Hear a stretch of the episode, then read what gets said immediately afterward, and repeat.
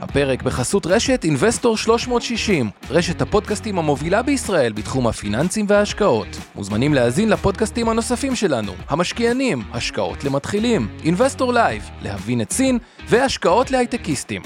הופק ונערך על ידי שמע, פודקאסטים ויצירות סאונד.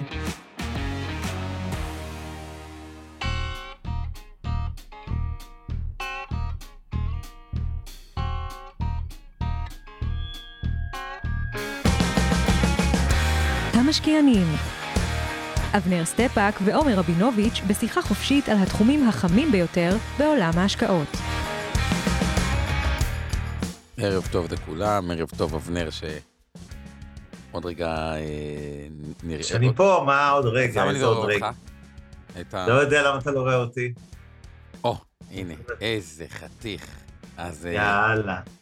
ערב טוב לאבנר, אה, הישר מי?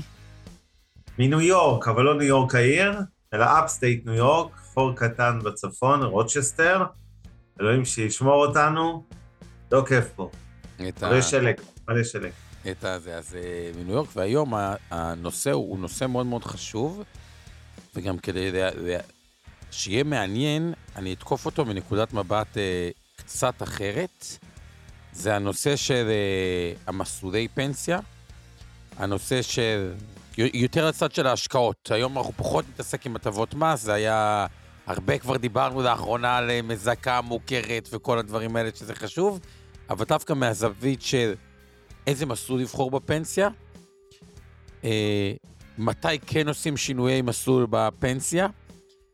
אה, אני אתן דווקא זווית פחות קונבנציונלית אה, היום, אבנר, אני אשמח שתאתגר אותה, או אותי את הדברים האלה, לא תיאמנו גם מראש, אז יהיה עוד יותר מעניין. כמו שבנדל"ן אנחנו אה, רבים, אז יכול להיות שגם פה... אה, אה, יאללה. יהיה לנו זירת התקוטטות. אז עוד רגע נגיע לזה, אבל נראה לי נתחיל כזה עם אה, קצת אה, פינת המכפילים שווקים, או שנצלול ישירות לפנסיה? נתחיל מכפילים, אני כבר, אה, משפר פה את הנראות, אומרים לי שמסנוור, אז שנייה. אוקיי, אז קצת מבחינת אה, פינת המכפילים, היינו כבר בתואר, הבורסה ב-2024 שהתחילה מהבורסות הטובות בעולם עם תשואה חיובית, אז לא, אנחנו כבר אה, עברנו לתשואה שלילית ואנחנו כבר נראים אה, רע גם השנה בישראל. מה שכן ניתן אה, אה, לראות, תשואת האג"ח הברית ירדה לכיוון ה-3.96, אבל אנחנו עדיין משייטים שם על אזור ה-4.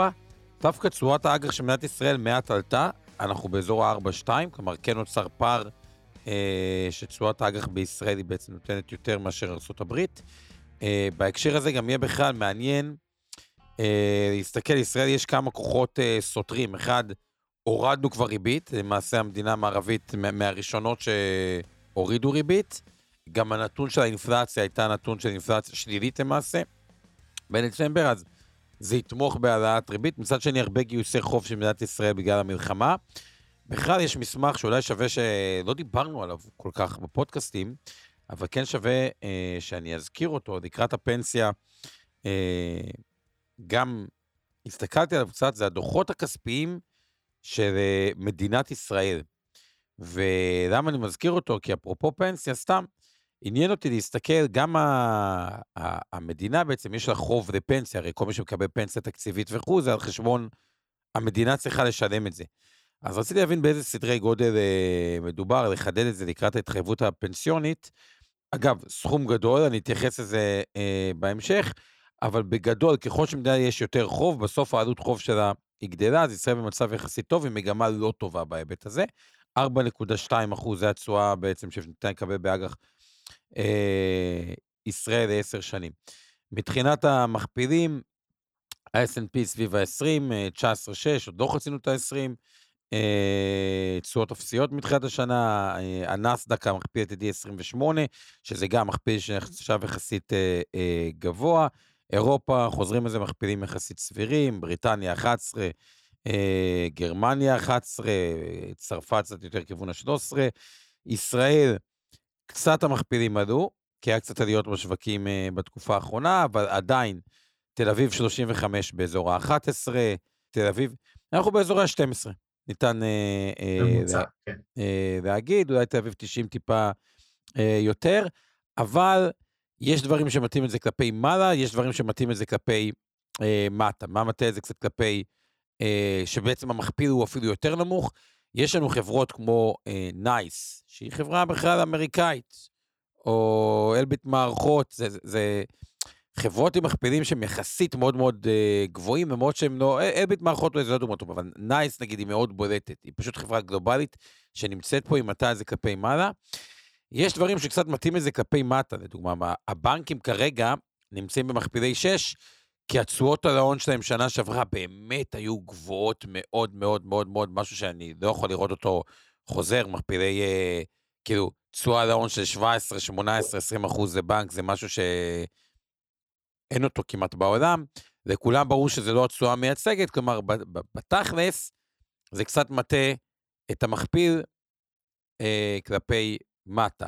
אה, אבל בסוף, זה, זה הממוצע. תחושת בטן שלי אה, לגבי הדוחות הכספיים. בוא נשמע תחושת בטן שלך לגבי הדוחות הכספיים של אה, השנתיים, יפתיעו את השוק וייצרו איזה מיני אה, ראלי, או יהיו אה, מאכזבים סך הכל בהסתכלות אה, שנתית?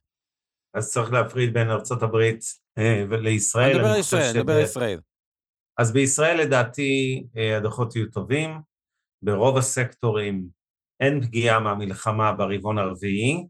במיעוטם יש, כמובן, לא מסובך לנחש איפה, איפה רואים את הפגיעה, רשתות קמעונאות רבות וכולי, לא המזון, אבל האופנה ודברים אחרים, וכל מה ש...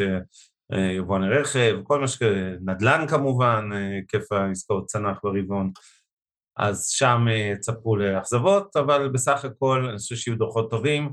אני מסייג לגבי הבנקים שיש לי הרגשה שככל שהם יוכלו להיות יצירתיים ולהתגמש, הם, הם בכוונה קצת, אה, נקרא לזה, יעשו את הדוחות אה, שיראו פחות טוב, זה לא נעים להרוויח כל כך הרבה מיליארדים בתקופת מלחמה, אז אני מניח שהם יעשו הפרשות מוגדלות לחובות אשראי, אבל מלבד זה, אה, לדעתי הדוחות יהיו בסך הכל טובים מאוד. אבל שוב, זה, זה, זה לא מייצג כל כך, לטוב ולרע, אגב, זה לא מייצג לשני הכיוונים.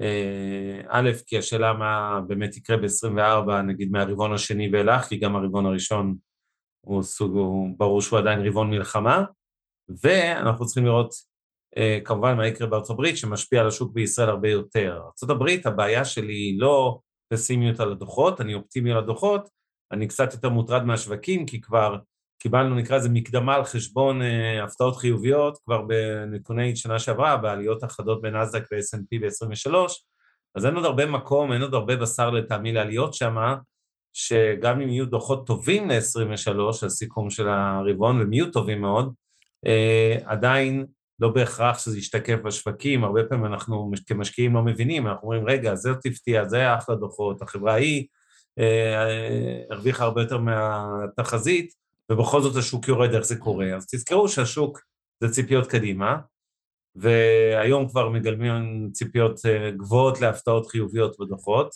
ואז לפעמים, גם אם יש הפתעות חיוביות אבל לא דרמטיות, זה גורם לירידות. בדיוק. כאן בתל אביב...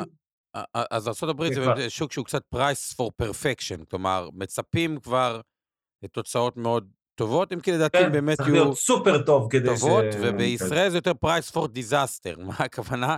כבר השוק מתמחר הרבה אסונות, ולדעתי סך הכל אה, אני חושב שהשילוב הזה, שסך הכל האג"חים קצת נותנים תשואות טיפה נרגעו ויהיו דוחות טובים, והחשיפה המנייתית של המוסדים היא נמוכה, ודוח שנתי וציפיות קדימה זו הזדמנות טובה לקבל לגבי איזה החלטות, סך הכל זה כן אה, יכול אה, לייצר איזשהו גל עליות נוסף, כי. המצב הבסיסי של הרבה חברות, פשוט המחיר הוא יחסית מאוד מאוד אטרקטיבי, ואם התוצאות בפועל יהיו בסדר, אפילו לא מצוינות, והן לדעתי אפילו יהיו קצת מעבר לזה, אז יש פה סיכוי טוב לגל אה, אה, עלייה נוסף. עוד משהו לגבי זה? אה, לא, אני חושב שבתל אביב, מן הסתם, מעבר לגורם גלובלי של נסדק וכל מה שקורה שם שמשפיע אוטומטית פה יותר לפעמים מהדוחות הכספיים שלנו, יש כמובן את אפקט המלחמה. Uh, הקשר, נקרא לזה, uh, בעיניי נעוץ בשני אזורים, אחד פסיכולוגיה של משקיעים, כשהם משקיעים בדיכאון אז מן הסתם זה מגולם גם, מגיע גם לשווקים.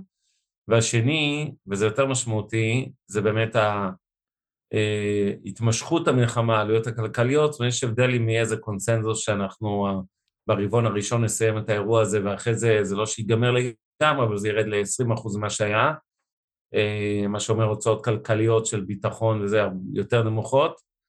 אה, יש פה כמה סימני שאלה שמעיבים על השוק המקומי כמובן, ועדיין מול כל זה מתבקש איזשהו ריבאונד בגין הפיגור שלנו מול העולם, הזכרנו את זה הרבה פעמים, אה, ולכן בשורה התחתונה אני עדיין אופטימי על הבורסה בתל אביב, למרות שיש עליה משקולות רבות לרעה. אוקיי, בוא נעבור קצת מסוים השקעה בפנסיה וכדי... אז רגע לפני זה, אנחנו נזכיר לכולם שיש לנו תמלול של שיר פלדמן, וכל מי שרוצה מוזמן ללחוץ close captions ולראות תרגום סימולטני בלייב. יש לנו טובה שימאנו והמפיקה שלנו שאיתך באולפן, ואת הצוות שלך, אורן ברסקי, ארמי ארביב ואור חלמיש על החומרים. אני רק uh, אתייחס לשאלה אחת של נטע לפני שניכנס למנה העיקרית, והשאלה השנייה שלך נטע היא כבר בתוך העיקרית. לגבי כל הגזירות החדשות, העלאות מיסים, דברים כאלה, אה, האם יש אה, סיכוי ל... כן, מה הולך לקרות פה עם יוקר המחיה? אז אני אגיד ככה, אין איזה חדשות דרמטיות לא טובות ולא רעות. מצד אחד, אה, ברור שבתקופת מלחמה, כשהביקושים יותר חלשים, אנחנו רואים, דוגמה טריה זה אתמול האינפלציה השלילית, שאנחנו רואים מדדים אפסיים, לא יישאר אפס השנה, זה כן, אני מניח, יהיה 2-2.5 אחוז, 2 אחוזים וחצי, אבל עדיין זה יחסית נסבל. אז כרגע יש איזה סוג של קיפאון מחירים, אז מבחינת יוקר המחיה זה לא דרמטי. אני לא חושב שיהיו העלאות מיסים משמעותיות, אם בכלל, זאת אומרת, הם יעשו כל מיני טריקים, כבר עשו את זה, אגב, החשמל בדלק, ביטלו את ההנחה, שזה כמו להגיד אה, שמנו מס בלי להגיד שמנו מס, והדלק זינק ב-30 אגורות, אבל בגדול, הם ינסו לדעתי לשלב בין אה, הרחבה פראית לבין אה, צמצום, קיצוצים בתקציב של משרדי ממשלה. נקווה שעל הדרך יסגרו את כל השטויות המיותרות שפתחו פה בשנים האחרונות. אה, אבל זה אה, אירוע שהוא בשליטה, רק שהבורסה מניחה היקף מסוים של הוצאה, היא לא מניחה 300-400 מיליארד, היא מניחה 200, היא לא מניחה חזית עם חיזבאללה כרגע, חזית אמיתית על מלא, אלא המשך המצב הקיים, שזה זה עצימות נמוכה. אז אה, זה לגבי זה, אוקיי. ויאללה, תתחיל אתה, יש לנו כבר מעט שאלות. אז אני אתחיל עם התזה כדי להבין יותר טוב למה אני אה, אגיד את מה שאני אומר, כי, כי, כי אני אתן זווית שהיא פחות, אה, היא שונה ממה שרוב האנשים אולי יטו אה, לחשוב, חייבים לתת איזשהו רקע קצר. אז הרקע הוא אה, כזה, בעוד אני עם הכסף ה... לטווח קצר, מה הכוונה לטווח קצר? עד חמש, כאילו, בן אדם, אה, הסתכלות טווח קצר היא ל-10-15 שנה הקרובות, אוקיי? כדי להבין את הטווח הקצר, מה שנקרא טווח הנראה לעין, שזה עוד שנה, שנתיים, שלוש, ארבע, חמש, עד איזה 10-15 שנה, אני חושב שצריך להיות מאוזנים. וכל פעם חזרנו לזה, יש את האסטרטגיה שאני קורא לה הגבוה היחסי. שגם כסף, נגיד, במניות חו"ל, גם כסף במניות ישראל, אני לא נכנס דרך, דרך איזה מכשיר. אבל מניות חו"ל, מניות ישראל, ונגיד גם משהו שהוא יותר אה, ניטרלי, שאיזושהי נזילות שוק אה, אה, יורד, במקרה שצריך את, את הכסף, את הבלטה. עכשיו, לגבי הפנסיה, נשאלת השאלה כמה שאלות. האם אני צריך להיות יותר חשוף לשוק הישראלי או. או, או הגלובלי? האם אני צריך להיות יותר חשוף לשקל או לדולר? כי סך הכל כאילו אנחנו ניקח את הפנסיה בסוף בשקלים. והתשובה שלי, ההטייה שלנו, לפחות uh, באינבסטור, uh, היא אם אנחנו יותר מאוזנים, או נגיד את זה בכסף לטווח הקצר, בינוני, אוקיי, מה שנקרא הכסף הנזיל, uh, אנחנו איתו משתדלים להיות מאוזנים, באסטרטגיה שאנחנו קוראים מהגבוה היחסי, כי אי אפשר לדעת איפה יהיו השווקים, ואי אפשר לדעת איפה יהיה הדולר שקל בטווח הקצר. בפנסיות אנחנו יותר מוטים גם למניות וגם אה, לחו"ל. ואפילו אני אגיד, גם אין לי בעיה לחו"ל, לפעמים גם כאילו לכיוון הדולר באופן אה, מפתיע.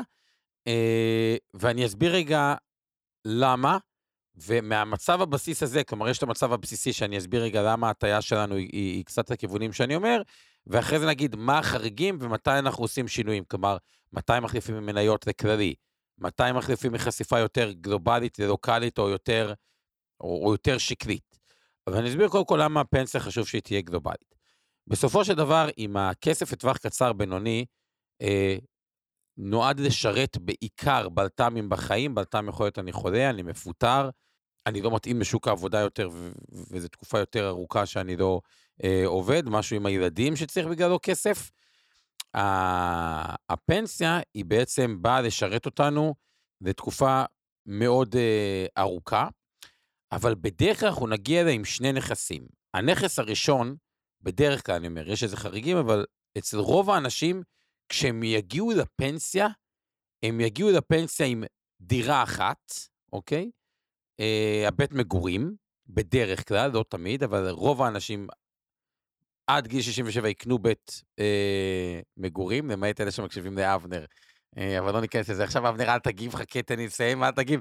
סתם, סתם, זה היה קצת, חכה, כן. חכה.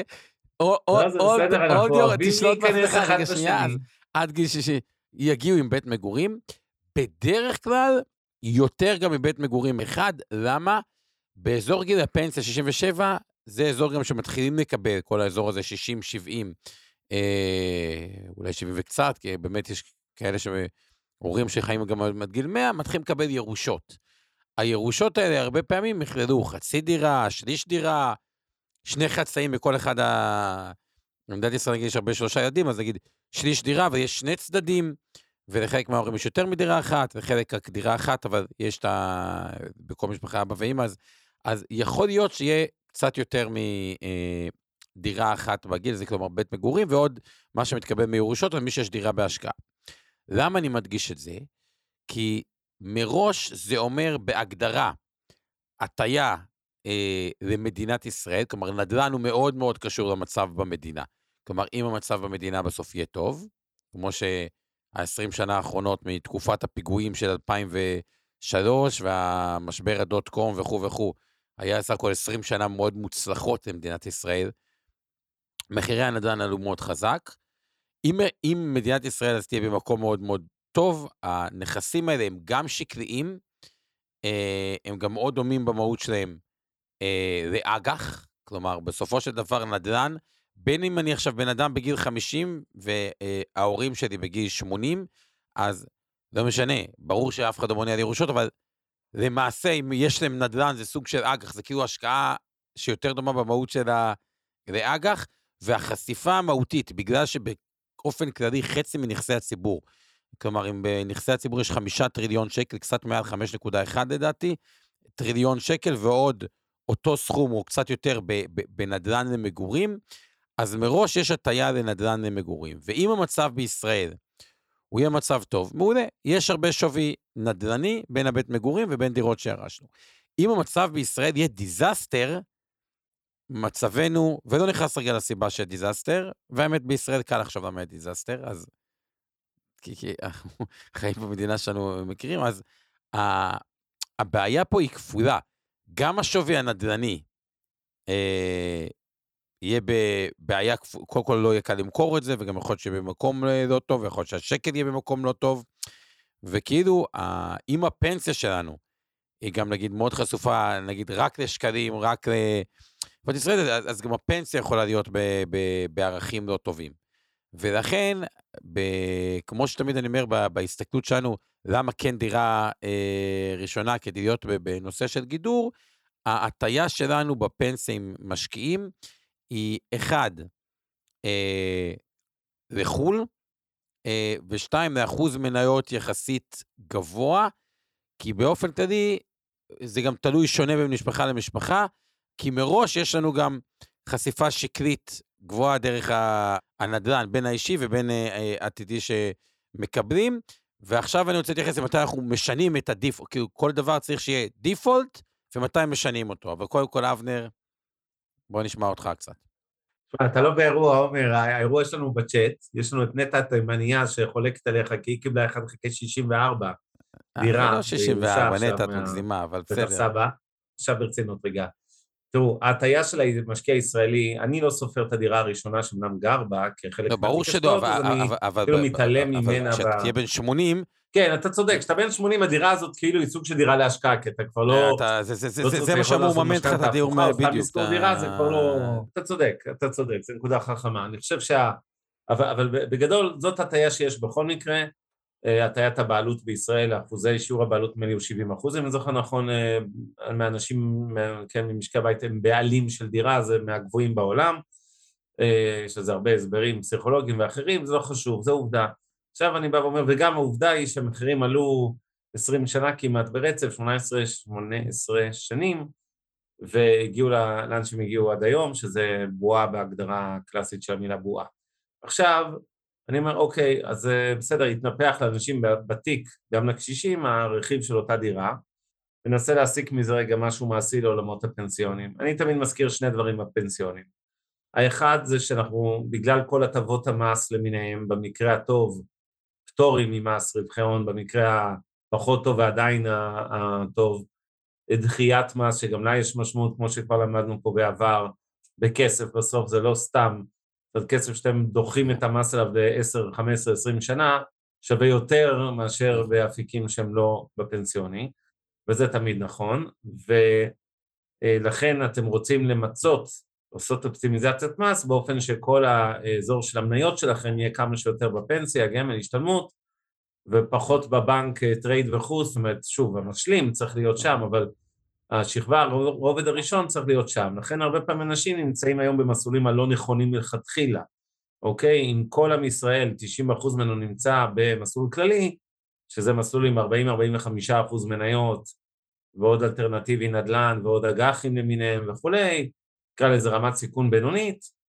אז לחלק גדול מאותם 90 אחוז, הם לא אמורים להיות שם, אלא במסלולי המניות. כן, אגב, מההתחלה, גם בטח הצעירים יותר לדבר הזה. שאתה- אומר לגבי מסלולי השקעה, שזה הדברים הבאים, מתי עושים שינוי מסלול, וגם היום ביציאה לפנסיה, אנשים לא יודעים את זה. אפשר לקחת פנסיה, מסלול מקבל קצבה שהוא סולידי, אבל גם אפשר לקחת פנסיה שהיא צמודה לאפיק המניות, לטוב ולרע, וגם לזה נתייחס, ג- גם בחירת המסלול בפנסיה היא, היא, היא יכולה להיות יותר סולידית או יותר אגרסיבית, וזה גם בחירה, כי זה בסוף, זה בחירה ל-30 שנה. אבל תמשיך רגע אם רצית עוד... אה, כן, רק להשלים, אני חושב אז אתה מדבר, עוד רגע נעבור לשינויי מסלולים. קודם כל, המסלול ההתחלתי שבו חלק גדול מהישראלים נמצאים, הוא פשוט לא המסלול הנכון, וכאן אולי מקום לעשות את הערת האזהרה השבועית שלנו, כי אנחנו נכנסים פה לכל העולם הפנסיוני, אז זה לא ייעוץ השקעות ולא ייעוץ פנסיוני ולא תחליף לייעוץ השקעות או ייעוץ פנסיוני מותאם לצרכים ולנכסים שלכם בידי יועץ אה, פנסיוני או משווק פנסיוני או יועץ השקעות מוסמך. ואם אנחנו מזכירים פה מניות, מעת לעת במשדר הזה זה למטרות חינוך פיננסי וצאו מנקודת הנחה שיש שם בתיקי השקעות וקרנות הנאמנות של אינבסטור 360 או של מיטב אנחנו מחזיקים בהם וגם אה, זה נכון אדרבה לקרנות הנאמנות סל קופות הגמל הפנסיה וההשתלמות של מיטב ולכן יש לנו אינטרס לכאורה לדבר על אותן מניות אבל שוב זה לא המלצה ביצוע פעולת השקעה כלשהי והכל צריך בסוף ללכת לאיש מקצוע עם רישיון ועל בסיס אה, באמת כל הנתונים האישיים שלכם אבל בהכללה כמו שאמרתי קודם יש יותר מדי כסף במסלולים לא נכונים to begin with. אמ, ודני, להערתך לגבי מסלול מניות מסוכן, ברור שאתה יכול לחטוף ירידות של 30-40 אחוז, זה נדיר, זה קרה ב-2008, לא קרה באף שנה ב-30-40 שנים האחרונות חוץ מזה, אבל בהחלט יש שנים של ירידות של מעל 10 אחוזים גם, גם אם זה לא מגיע ל-40 אחוז, ובסופו של דבר עדיין, לטווח ארוך, האפיק הזה מנצח כל אפיק אחר, כולל נכון. נדל"ן, כולל אגרות חוב, ובטח אה, מסלולי אג"ח ללא מניות, ולכן אה, זה כן אמור לתמוך, והמקרה של יפן הוא מאוד מאוד נדיר וחריג, אין כמעט שום בורסה בעולם שלקח לה עשרות שנים לחזור לשיא, לא בנסדק שהתרסק במרץ 2000, אגב, וגם שם אה, התשואה לא הייתה כזו גרועה כמו שחושבים, אה, פשוט היא עלתה, כאילו, תחשוב שמשהו יהיה 2,000 אחוז נגיד, ואז כאילו הוא 20 שנה אותו דבר, התשואה הממוצעת שלו היא לא בהכרח כזו רעה, פשוט ה... כן, ברור, ברוב האנשים לפני שנכנסו יום לפני המפולת המפולת. והיה כן. מאוד בחדות. אז ברור שזה תנודתי וזה במניות. עכשיו, מת- אוקיי. מחר- בוא נתחיל שינויי מסלול, אוקיי? אז בוא נגיד, כן. תמיד בשביל שמדברים על שינוי, צריך להבין מאיפה באנו. אז בוא נניח לצורך העניין, שמצב הבסיס שלנו, אגב, שאני אומר מסלול מנייתי, זה כל מי שהמשכורות שלו הם עד 20 ומשהו אלף שקל, כלומר, אה, בקרן פנסיה המקיפה, בכלל 30 אחוז זה אג"ח מיועדות. כלומר, גם ה-100 אחוז מניות הוא רק 70 אחוז מניות, עד משכורת פעמיים הממוצע במשק, לצורך העניין עד 25 אלף שקל. מעבר לזה, זה הכל בשוק, ה... בשוק ההון. כן, רק צריך להזכיר בהקשר הזה, כי אנשים לא תמיד יודעים, אותן אגרות חוב מיועדות שהפנסיה מקבלת, 30 אחוז בעצם מהכסף שאנחנו משקיעים לכם, גם במסלול כללי וגם במנייתי, הוא בתשואה כוללת, לא, זה, זה, זה מנגנון של, זה הכי מסובך בעולם, זה 4.86 פלוס מדד, לאט לאט זה לכיוון 5.15 נכון, פלוס מדד, לפי נכון. מה שזה, נוסחה חבר שלי. לא, נניח חמישה אחוזים פלוס מדד, ובוא נניח מדד שני אחוזים וחצי, כלומר קיבלתם כמעט תשואה של מניות, נכון, מממשלת ישראל כאיגרת חוב מובטחת, וזה התחלה טובה. נהדר, אגב, כשתפרשו מקרן פנסיה מקיפה, זה 60 אחוז אג"ח מיועדות בחמש פלוס מדד, והרבה אנשים לא יודעים את זה, לכל מי, ואני אומר את זה עוד פעם, נבדוק במסלקות, ופנו אלינו לאחרונה הרבה אנשים, ומצאנו להם את זה, וזה מדהים. כל מי שיש לו קופת גמל להשקעה, שהוא פתח אותה פעם, זה של ה-15, אחרי 15 שנה, הוא פתח, ההורים שפתחו, שאחרי 15 שנה היו פטורות ממס, התמר, הגדיש, בדיוק. גדיש, תמר, עוצמה. להרבה מכם יש יכולת להפקיד עוד כן. כסף לקופה הזאתי, ולקחת פנסיה מוכרת באפס מס, שמובטח עליה חמש פלוס מדד לכל החיים. זו הטבה מטורפת, צריך לבדוק את המסלקות, מי שככה... רק תיקון קל, מובטח על 60 אחוז ממנה, 5 פלוס מדד. וזה כן. שווה מאות אלפי כן. שקלים הטבה מהמדינה, אז מי שמצלקה וזה, זה אנחנו עושים לקרוא, כאילו, זה הטבה שהיא אה, שווה, אפרופו דיברת על אה, אג"ח מיועדות. בואו נחזור לנושא של שינוי מסלול. שתי מקומות שבהם אני אעשה שינוי אה, מסלול בפנסיה. בוא נניח לצורך העניין, שאני אפילו פנסיה מחכה S&P, כדי אה, לפשט את זה. מקום אחד, או גלובלית, אוקיי, לא משנה, יש כל מיני אה, מוצרים, מניות חו"ל או משהו. מקום אחד, הוא, יש בישראל נטייה, איפשהו, בגלל, או, או, או בכלל בעולם, לא רק בישראל, כשהשוק יורד חזק, אוקיי, הדולר קופץ. הוא קופץ מסיבה טכנית במהות שלה. הסיבה היא שפשוט אם משהו יורד מאוד מאוד חזק, ובגלל שרוב המוסדיים חשופים אליו דרך אה, מכשיר שנקרא חוזים עתידיים, כלומר, הם לא באמת קונים את המניות של ה-S&P, הם קונים חוזה עתידי על ה-S&P. מה זה אומר? שהם שמים כסף, נכון. אה, הם נחשפו נגיד למיליארד דולר S&P, תכלס הם שמו באיזה בנק 100-150 מיליון דולר, 10 אחוז, 15 אחוז מזה, כביטחון שיושב בינתיים ב... לא יודע מה, אג"ח ארה"ב לשנה, ומה שקורה, כן. אם יש ירידה מאוד מאוד חדה ובלתי צפויה, ודוגמה ממקרה כמו הקורונה, ודוגמה כמו מקרה כמו המלחמה ב, אה, שהייתה ב-7 באוקטובר, הם בעצם נאלצים לקנות דולרים בשביל להעביר עוד כסף לטובת חיזוק ביטחונות. כי אם המדד יורד ב-15% בשבוע, כבר אין לך, אין את הביטחונות. אז מהסיבה הזאת, בירידות שערים חזקות, אנחנו רואים אה, ברמה הטכנית עלייה חזקה בדולר, ואז יש מקום לעבור ממסלול שהוא מוטה דולרים, לנצל את זה לטובתנו, ואחד משני המסלולים הבאים. או סתם מסלול מנייתי, ששם החשיפה הדולרית היא, היא נורמלית, היא כאילו 25 אחוז, אה, ופשוט לא, לא להישאר עם חשיפה דולרית שהדולר הוא ב-4, אבל כן למניות, או עוד מסלול שאני מאוד אוהב, כרגע אתם היחידים שיש לכם אותו במיטב, הוא גם לא נקרא ככה, אני לא יודע למה, אבל זה המסלול המניות אה, פסיבי, אני תכף לכם את השם במיטב, איך הוא נקרא לזה. עזוב לא, אותי מפרסום, בואו נתקדם, כן. שאלו אותי כאלה איך מגיעים אליו, אז אני מזהיר, כי הוא לא כתוב את זה, אבל זה מסלול שהוא בתכלס נסדק שקרי. ואז, למה בירידות אני כל כך אוהב את המסלול הזה?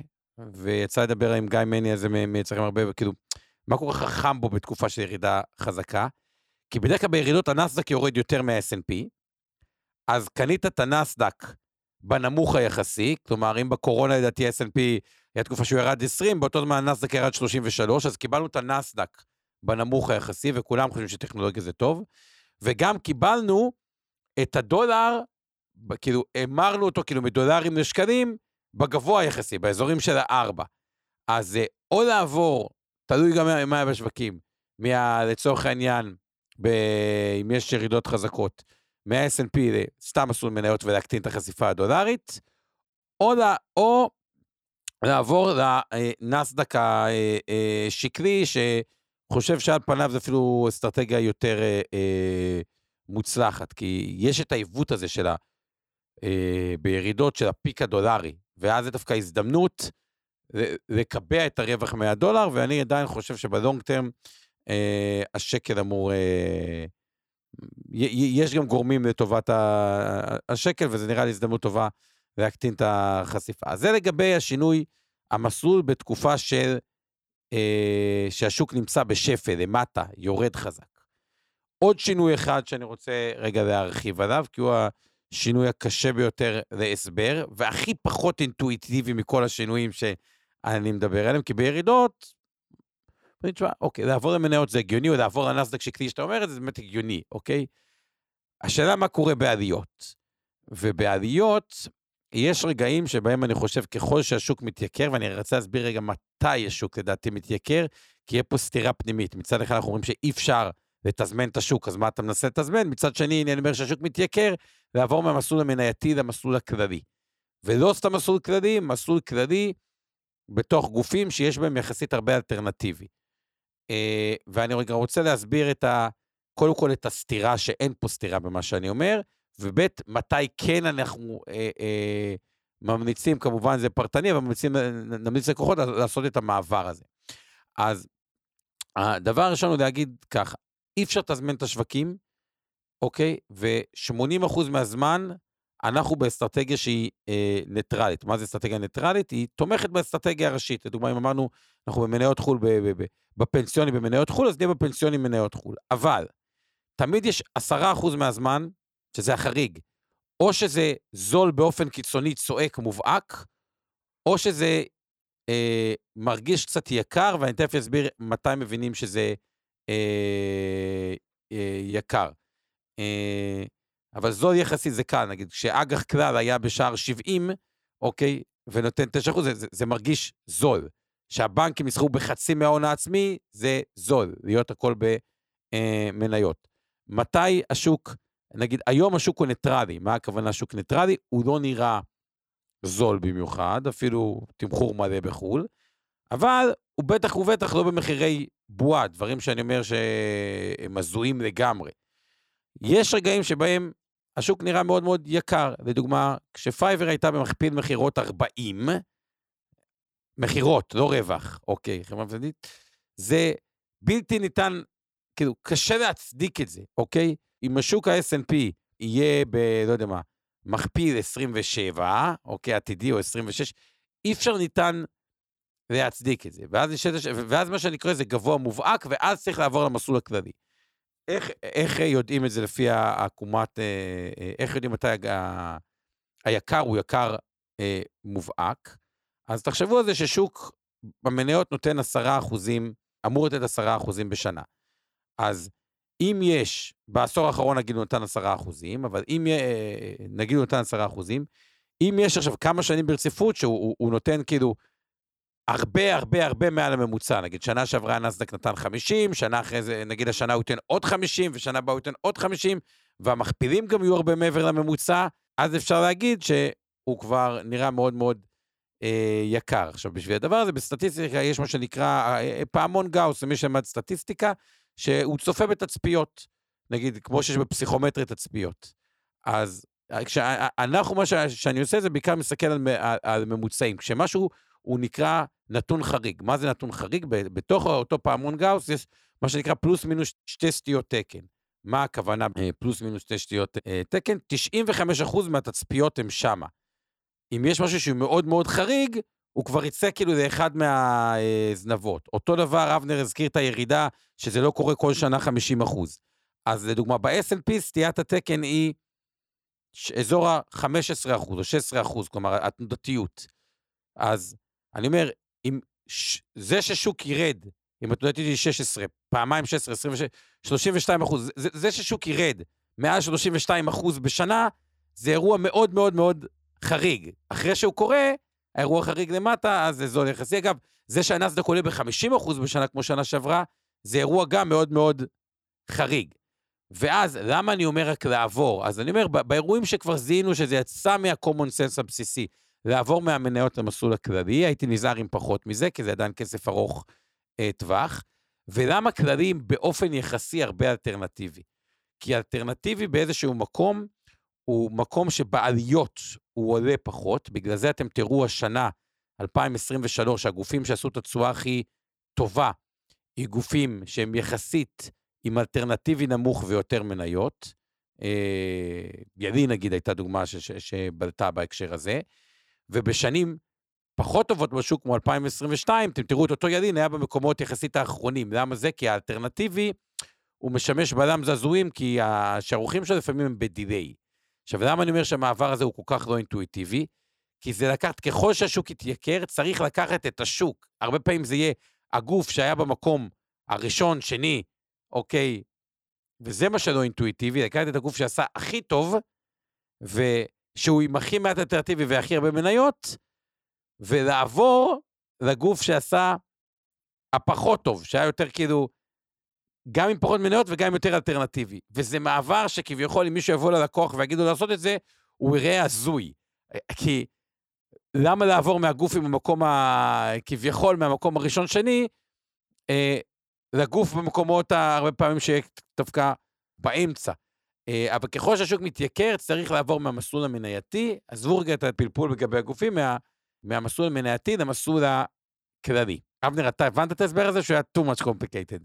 תשמע, אני הצלחתי להבין, בינתיים הזמנתי לי וולט מתל אביב לזה, הוא עולה על הטיסה, לדעתי הטיסה כבר הספיקה לנחות פה בניו יורק עם האוכל שלי, עם ארוחת ערב, אבל אני לא בטוח שכולם הבינו, אבל אני אגיד ככה, קודם כל, ברצינות רגע, אני חלוק עליך, זאת אומרת, אני בעיניי חושב שכל הדיון על השוק יתייקר לא, לא, או, או לא יתייקר, בלי קשר לסוגיית חוסר היכולת של כולנו לתזמן שווקים, שהזכרת אותה בעצמך בצדק, את כל זה תעשו לא בפנסיה ובגמל ההשתלמות, תעשו את זה על כל המקומות האחרים שיש לכם את עודפי הכסף שמושקעים מניירות ערך. כלומר, אם בן אדם לדוגמה יש לו מיליון שקלים בכל העולמות הפנסיוניים, גמל פנסיה והשתלמות, ויש לו נניח עוד 400, עוד חצי מיליון שקל בכל מיני מקומות אחרים, קרן כספית, אה, קרנות נאמנות מנייתיות, כל מיני דברים, לא משנה, זה בבנק, בטרייד עכשיו וכולי, והטוטל שלו, כל הרכוש שלו זה מיליון וחצי שקלים. ולצורך העניין, אם הוא חשב שהוא צריך להיות בכל הפנסיוני ב-100% מניות, ובנוסף היה לו עוד איזה, אה, לצורך העניין, 200 אלף שקל מתוך החצי מיליון גם במניות, מחוץ לפנסיה, כלומר, סך הכל, ואותו בן אדם יושב 80 אחוז, אם הוא רוצה להוריד, כן. שימכור את ה-200 אלף ויחזור ויעבור לכספית, לשם הדוגמה. אז לפי מה שאתה אומר, בן אדם צריך להיות, הסטירה שלך, הבן אדם צריך להיות כל החיים במסלול מניות בחו"ל, במסלול מניות, עזוב חו"ל, במסלול מניות בפנסיה? בלי לשנות? רוב האנשים צריכים לשבת, החל מהמסלול הכללי ועד המסלול המנייתי, רוב חייהם, בטח מגילאי ה-20 שמתחילים כאילו, לעבוד. להגיד, אני מסלול מניות, זהו, לא שיניתי כל החיים, נקודה. לפי מה שאתה אומר, למעט שאתה קרוב לפרישה. שוב, לא, לא, לא כל אחד, אבל לאחוז מאוד גדול מהאנשים לא, לא, לא, לא כל אחד, למי שהחליט שזה... לא לכל אחד זה אוקיי, מתאים. המינימום, כן, ואני אומר, אל תשנו כלום, ואני אגיד גם עוד דבר, אה, אני כן אוהב, אה, כמו שאתה יודע מאוד, את האזור האלטרנטיבי, ואני חושב שצריך להיות מרכיב אלטרנטיבי שמן, ונכון להיום יש אותו בחלק מבתי השקעות וברוב חברות הביטוח, אבל לא כל השחקנים אוהבים אלטרנטיבי, זה עניין של השקפה.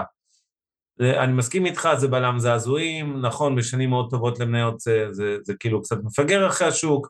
כשאנחנו מדברים על השקעות אלטרנטיביות, רק נסביר למאזינים שלנו ולצופים, אנחנו מדברים על, כל, על חמש קטגוריות שנכנסות תחת הכותרת אלטרנטיבי, זה נדל"ן, לא, זה תאורטית קרנות גידור, אין הרבה כאלה בתיקים הפנסיוניים שלכם.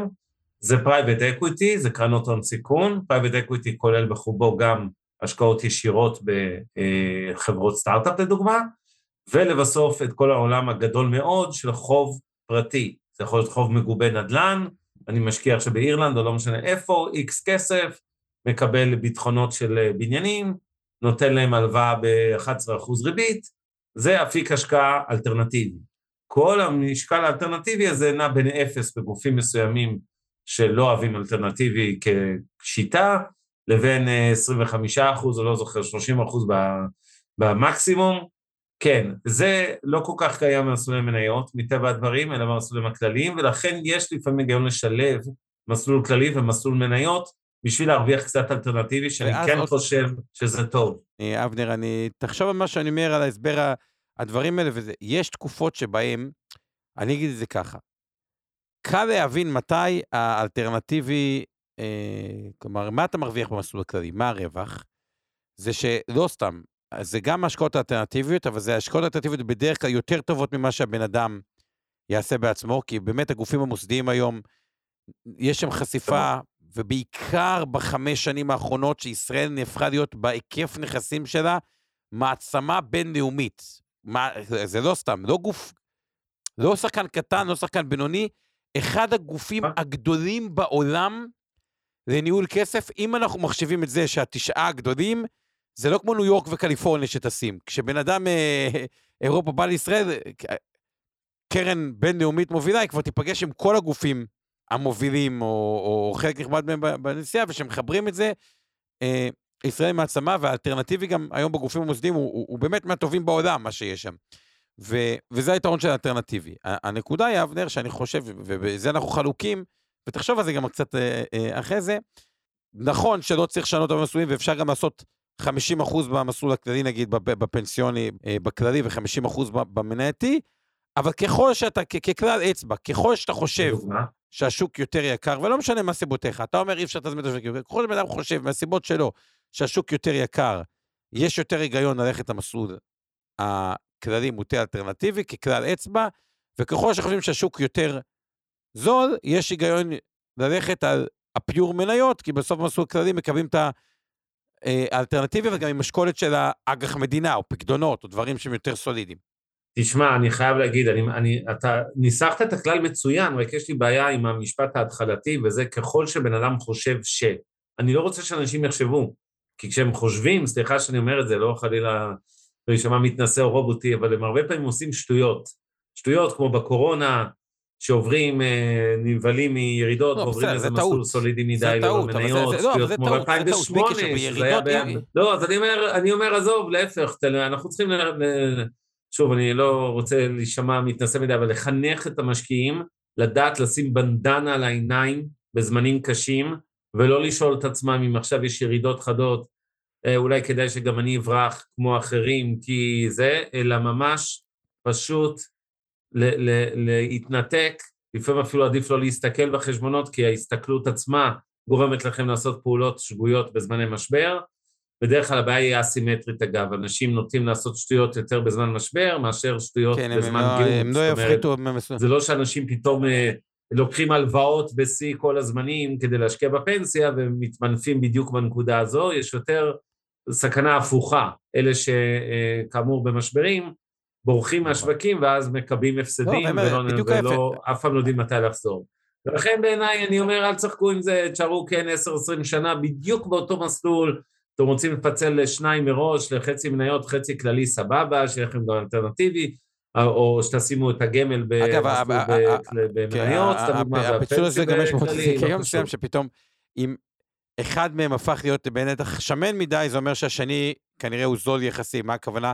אם המניות עשה נגיד, התחלתם סתם דוגמה, 100 אלף ו-100 אלף, אם פתאום המניות הוא 300 אלף והכללי הוא רק 200 אלף, כי המניות עשה הרבה יותר, אז זה גם מראה שטיפה אולי החלק הזה טיפה יתייקר, ולהפך, אם פתאום הכללי הוא הרבה יותר גדול, זה מראה שהמניות הוא זול, רק אם דבר אחד אני רוצה להגיד, אני לא מסכים איתך, אני חושב שאם במשבר, במשברים ככלל, ככלל אצבע, במאה השנים האחרונות, תמחור הסיכון, כלומר, תמחור הנזק הוא בחסר. כלומר, ב-2008 המצב באמת היה גרוע, הוא פשוט בדיעבד לא הצדיק ירידה במניות כנראה של 50 אחוז, אלא רק של 40 אחוז. כלומר, בקורונה המצב היה גרוע, בדיעבד הוא לא הצדיק ירידה של 35 אחוז מהנאסדק, הוא הצדיק פחות מזה. זה אומר שבהגדרה, בירידה, אם אתה במסלול כללי, ובעיקר גם היה לך את הבלם הזעזועים של האלטרנטיבי שזה, אז יש היגיון לעבור מהמסלול הכללי ליותר מנייתי. בעלייה זה יותר tricky לעשות את השוני אה, הזה. אגב, הכלל אצבע שלי ללקוחות, כי אומרים לי, זה אמורפי, זה אמורפי, עומר, מה, מה זה כלל אצבע? אני אומר ככה, נורא פשוט. אם ה S&P ירד בשנה מסוימת, מעל 20 אחוז, זה לא אמור לקרות הרבה פעמים, זה אמור לקרות נגיד איזה פעמיים, שלוש בעשור, אוקיי? אבל אם הוא ירד מעל 20 אחוז, זה הרגע לעבור ל... אה, אה, מהשיא, אולי טיפה יותר מ-20 אחוז, זה הרגע כביכול שאתם אמורים להיות כבר במסלול אה, מניות, כאילו בפנסיונים, הייתם במסלול אה, הכללי. אה, זה נגיד כלל טוב, כאילו, איפה להיות במניות, בדרך כלל כשיורד 20 אחוז, הנאסדק גם ירד אה, יותר. טוב, בואו נענה קצת לשאלות של גולשים ונסיים. אז uh, כמה דברים uh, שאלו פה. לגבי מסלולי פנסיה, לא מוצא את מסלול פנסיה על מדד ה-All Country World Index, כל המניות גלובלי כזה, הכי גלובלי שיש, ACWI, אני מוצאת רק מניות, מסלולי מניות כלליים שיש להם הטיה מסוימת לישראל, כי אם ישראל היא חצי אחוז מכל מיני מדדים גלובליים, אבל היא רבע, 25 אחוז נגיד במסלולי מניות, לא תלוי כמובן בין הגופים, או הפוך, מסלול S&P 500 שהוא מוטה יותר מדי לארה"ב. בקיצור, תזכיר לי, יש ACWI אה, בכלל בפנסיה, מדד מניות כללי כזה? אבל צריך להיכנס לגופים ספציפיים, השאלה אם אתה בפנסיה, כן. בפנסיה. בפנסיה דברים מיוחדים, יש, יש אה, איזה מוצר של אינדקס שמנורה עשו עליו שהוא כאילו משקיע יותר דומה, רק שלושה אחוז חשיפה ויותר גלובלי, ויש את ה-S&P לכולם, והנאסדק השקלי זה אצלכם. אז כאילו מי שמחפש יותר גלובלי זה יותר האינדקס של אה, נכון. מנורה, מי שנאסדק שקלי זה אצלכם ו-S&P זה אצל כולם. זה כאילו בגדול. אוקיי, okay, בכלל אני רוצה להגיד משהו, אנשים לא תמיד מבינים לגבי המסלולים.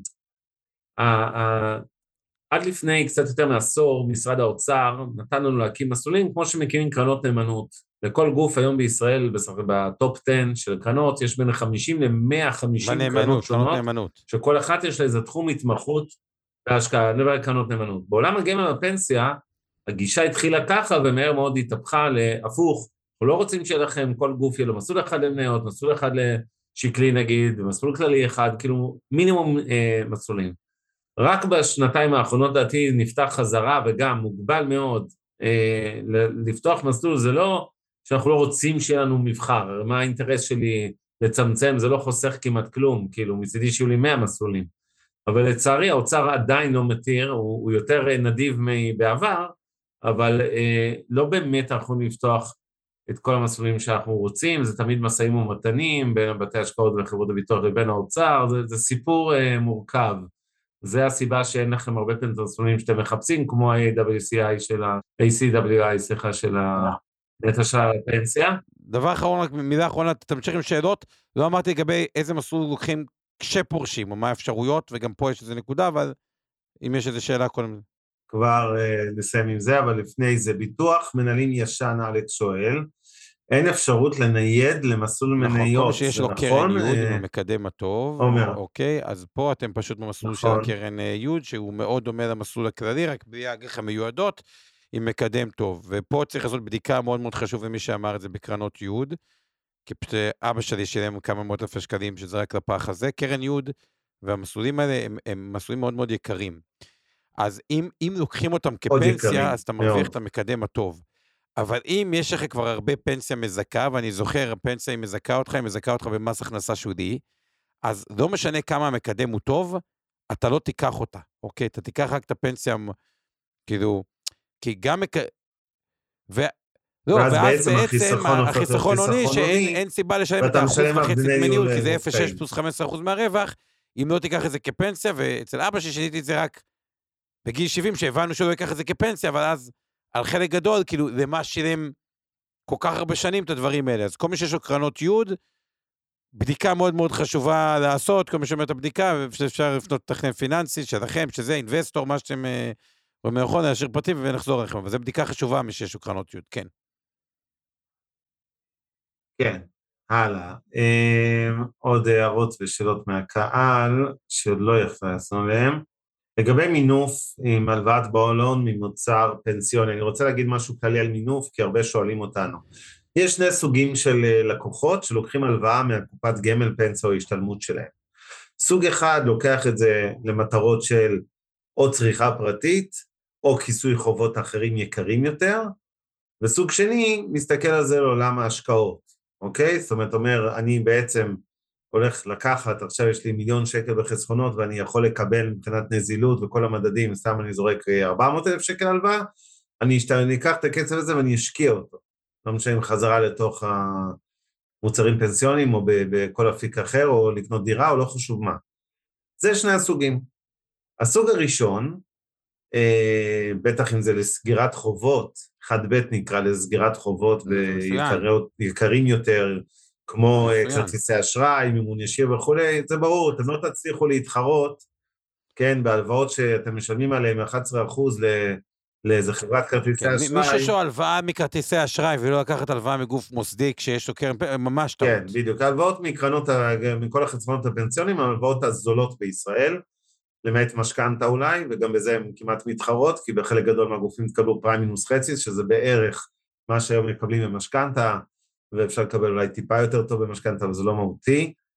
זה הלוואות זולות, אז קודם כל אתם בטח לא רוצים להחזיק הלוואות יקרות בחוץ, אה, אה, וכן, לא, לא תייצרו את התשואה הזאת בקופות הגמל השתלמות בפנסיה שלכם, לא תייצרו את ה-11% שעולה לכם ההלוואה בצד.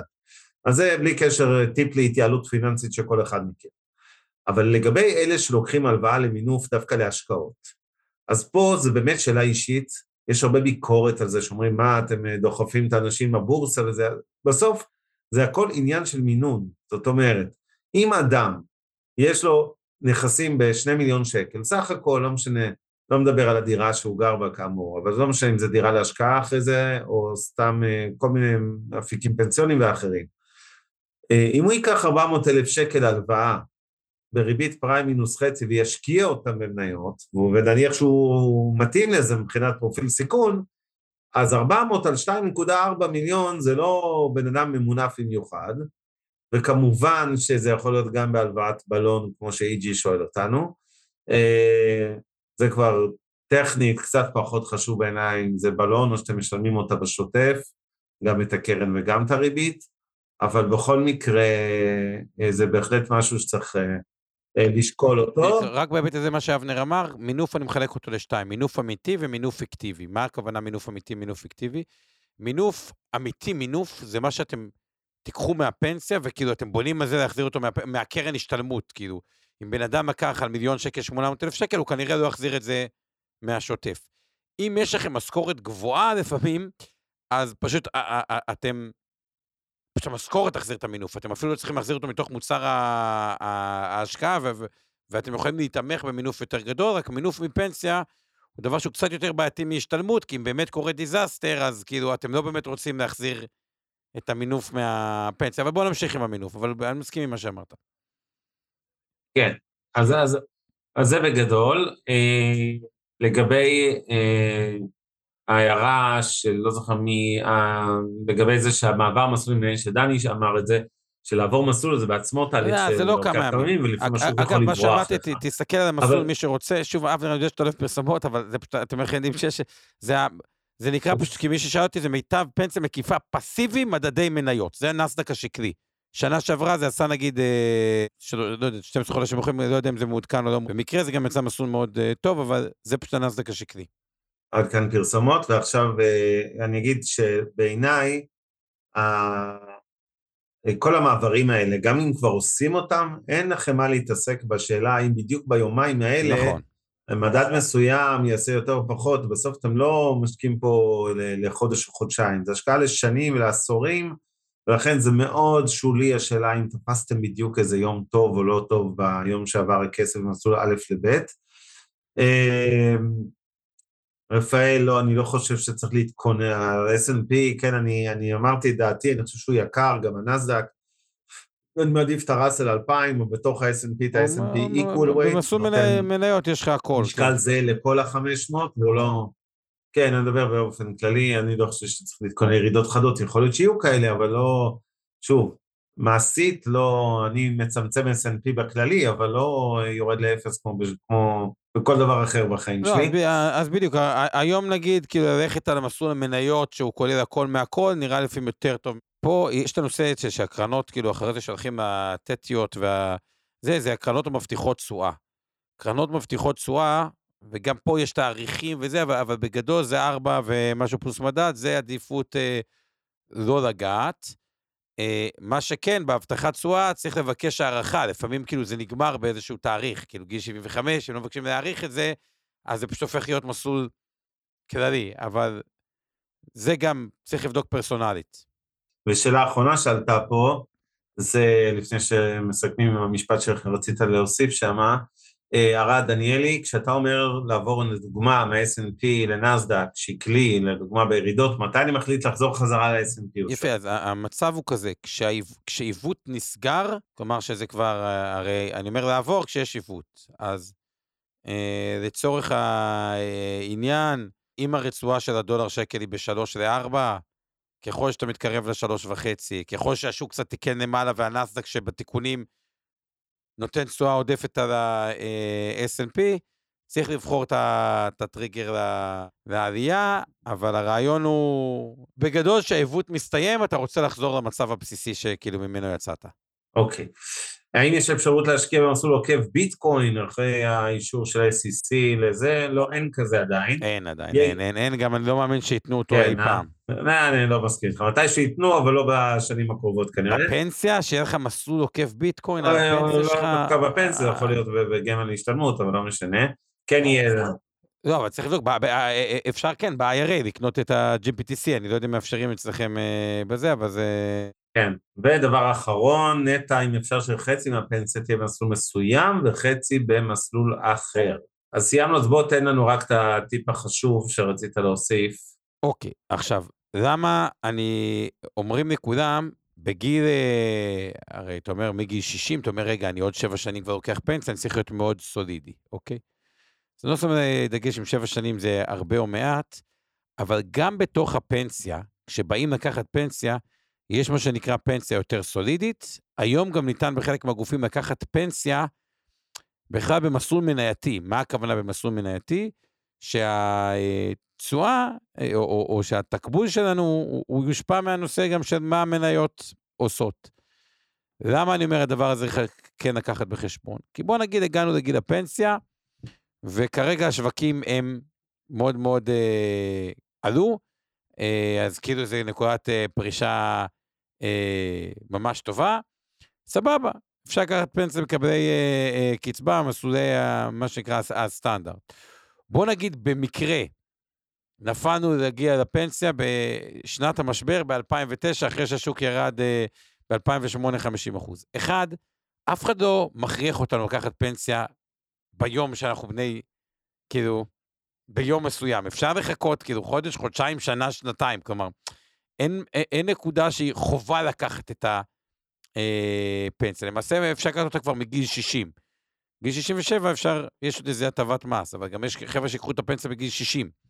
אה, הנקודה השנייה היא, אם כבר... אבל אני רוצה לחדד, רגע, עומר, הגעת לגיל 68, סיימת לעבוד. אתה לא חייב לקחת פנסיה. אתה גבר, גיל פרישה 67, אתה יכול להחליט שתתחיל לקחת אותה בגיל 69, כן, לשם הדוגמה? כן, אין שום בעיה, ואז... אתה, אתה אומר, אם בדיוק הגעתי ל-2008 הזאת, הפעם במיליון שנה שיש לנו בדיוק ירידות חדות, אני לא רוצה לקבע את הפנסיה שלי, אפרופו השאלה של רונן, על איזשהו, אה, כן, אה, נקודת שפל, אני אתן לשווקים לתקן, ואז אני אמשיך למשוך, זה, זה דרך אחת. אפשרות שנייה היא להגיד, אתה בתוך הפנסיה יכול לקחת מסלול יותר אגרסיבי, ואז אם השוק יתקן למעלה, כי אתה לא, אתה מפחד שלקחת את זה בנקודת שפל, אין בעיה.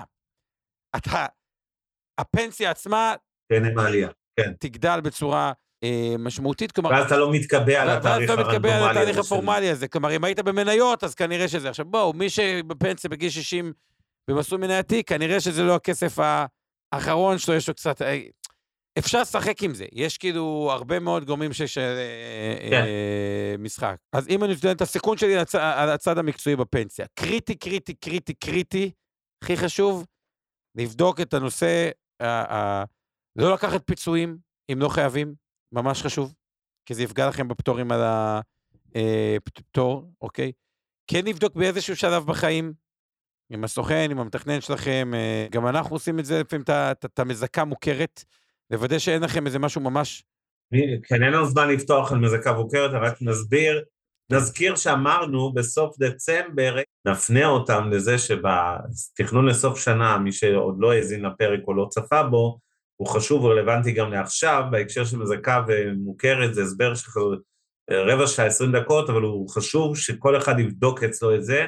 לא נחזור על זה עכשיו, תשמעו את זה בהמשך. הלאה. כן במסלולים, אנחנו אה, חושבים שבגלל המבנה הפנסיוני המיוחד במדינת ישראל, אה, שבדרך כלל כן יורשים נדל"ן, זה לא כמו בארצות הברית או באנגליה, שכולם לוקחים משכנתה הפוכה שם, אוקיי? אה, או הרבה לוקחים משכנתה הפוכה, זה חלק מהתרבות בשביל הטיפולים. בישראל היא מדינה הרבה יותר אה, שמרנית, פחות סבא וסבתא הורישו דירה עם משכנתה הפוכה לילדים אה, שלהם, אז כן אפשר הטיה חולית.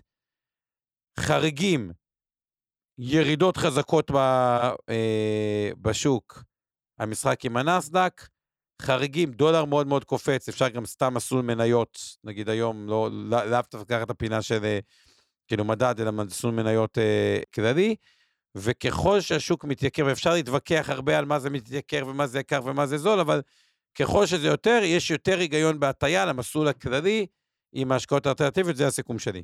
טוב, אני אומר, כמה שפחות תזיזו מסלולים, מראש תתכננו את זה שאתם סופגים את רוב המניות שלכם, מסלולים מנייתיים, בקיצור, באזורים הפנסיוניים, כל אחד שיעשה את הניתוח הכללי של כל הכסף שלו על אה, כדור הארץ, ויראה כמה הוא יכול להרשות לעצמו מתוכו מניות, ואז יוודא שהרובד הזה נמצא בגימל פנסיה השתלמות, ומינימום תזוזות שם, פעם בעשור אולי צריך להחליף מסלול, לא מדבר על להחליל, לעבור בין גופים, לגיטימי לעבור מדי כמה שנים, אבל אני מדבר על לעבור מסלולים, ממש, אה, כאילו, מכללי למניות, מניות לכללי כאלה, אני חושב שצריך פחות. אה, ועוד הערה שמיכל הקפיצה לי עכשיו דרך השאלה שלה, תיזהרו לא להיות יותר מדי מסלולים של אה, מדד ספציפי. עכשיו, לבן אדם טיפוסי שיש גם לפנסיה והשתלמות, עם אחד מהם, עם מסלול S&P או בנסדק של כלי או במסלול אנרגיה ירוקה, אני ממציא כמובן, ו- ויתר הכספים, מסלולים אחרים, אז זה בסדר, אבל הנהירה של כל עם ישראל, לא כל, אבל חלק מעם ישראל, הכל ב-S&P 500, בעיניי זה גם מסוכן. לא להיות קיצוני. אז שוב, צריך לראות כמה יש לכם בפנסיה, כמה גמל, כמה משתלמות, לא להיות קיצוני מ-S&P, הוא לא מסלול זול, אה, וזהו, זה לא עניין של לעבור ממנו דווקא לנסדק, כי זה לא ישנה הרבה. הרעיון בנסדק, דווקא בתקופות של ירידות, הנסדק השקלי, לא ב... אה, בזה, אבל אני יכול להגיד רק שאני כן. גם חושב שההפחדות, כלומר, אני מסכים עם זה שאין היגיון ללכת הכל על מסלול ה-S&P, אפשר גם לקחת גם מסלול פשוט מניות, אין איזה סיבה. אני חושב שספציפית כשמדברים על ה-S&P 500, אוקיי? שזה עדיין 500 חברות וכאילו מהגדולות, ה... תשמע, אני לא חושב שזה טעות שצריך כאילו להפחיד ממנה כל כך, כי זה עדיין כאילו מפוזר, אוקיי? כשתשווה את זה ב-125, זה 500 חברות יותר גדולות, חושב שכאילו, אין איזה סיבה, אפשר גם לקחת מסלול מניות, כאילו, אבל אה, הרבה פעמים לא את הזה, אבל, אבל זה גם לא, לא צריך להיפעל מזה, אוקיי? זה כן עדיין מסלול מפוזר. בסדר. לא, זה ברור, זה אני מסכים, וגם אני אוהב את האלטרנטיבי, דיברנו על זה. בקיצור, חברים, היה לנו כיף איתכם הערב. אנחנו מזכירים, תעשו טוב, זה חוזר עם ריבית, זה נכון גם השבוע. אל תשכחו את החטופים שלנו, אל תשכחו את החיילים שלנו, ואל תשכחו את האזרחים שלנו, שלצערי אה, אחוז לא קטן מהם גם בצפון וגם בדרום, מפונים, עדיין, עסקים בבעיה, אה, אנשים שבאמת אה, מזעזעת, אז זהו, בקיצור, שיהיה אחלה ערב לכולם. וניפגש בשבוע הבא, אני עדיין אהיה בניו יורק, אבל אה, אנחנו נעשה את זה שוב מפה. לילה טוב. לילה טוב. הפרק בחסות רשת אינבסטור 360, רשת הפודקאסטים המובילה בישראל בתחום הפיננסים וההשקעות. מוזמנים להאזין לפודקאסטים הנוספים שלנו, המשקיענים, השקעות למתחילים, אינבסטור לייב, להבין את סין והשקעות להייטקיסטים. הופק ונערך על ידי שמע, פודקאסטים ויצירות סאונד.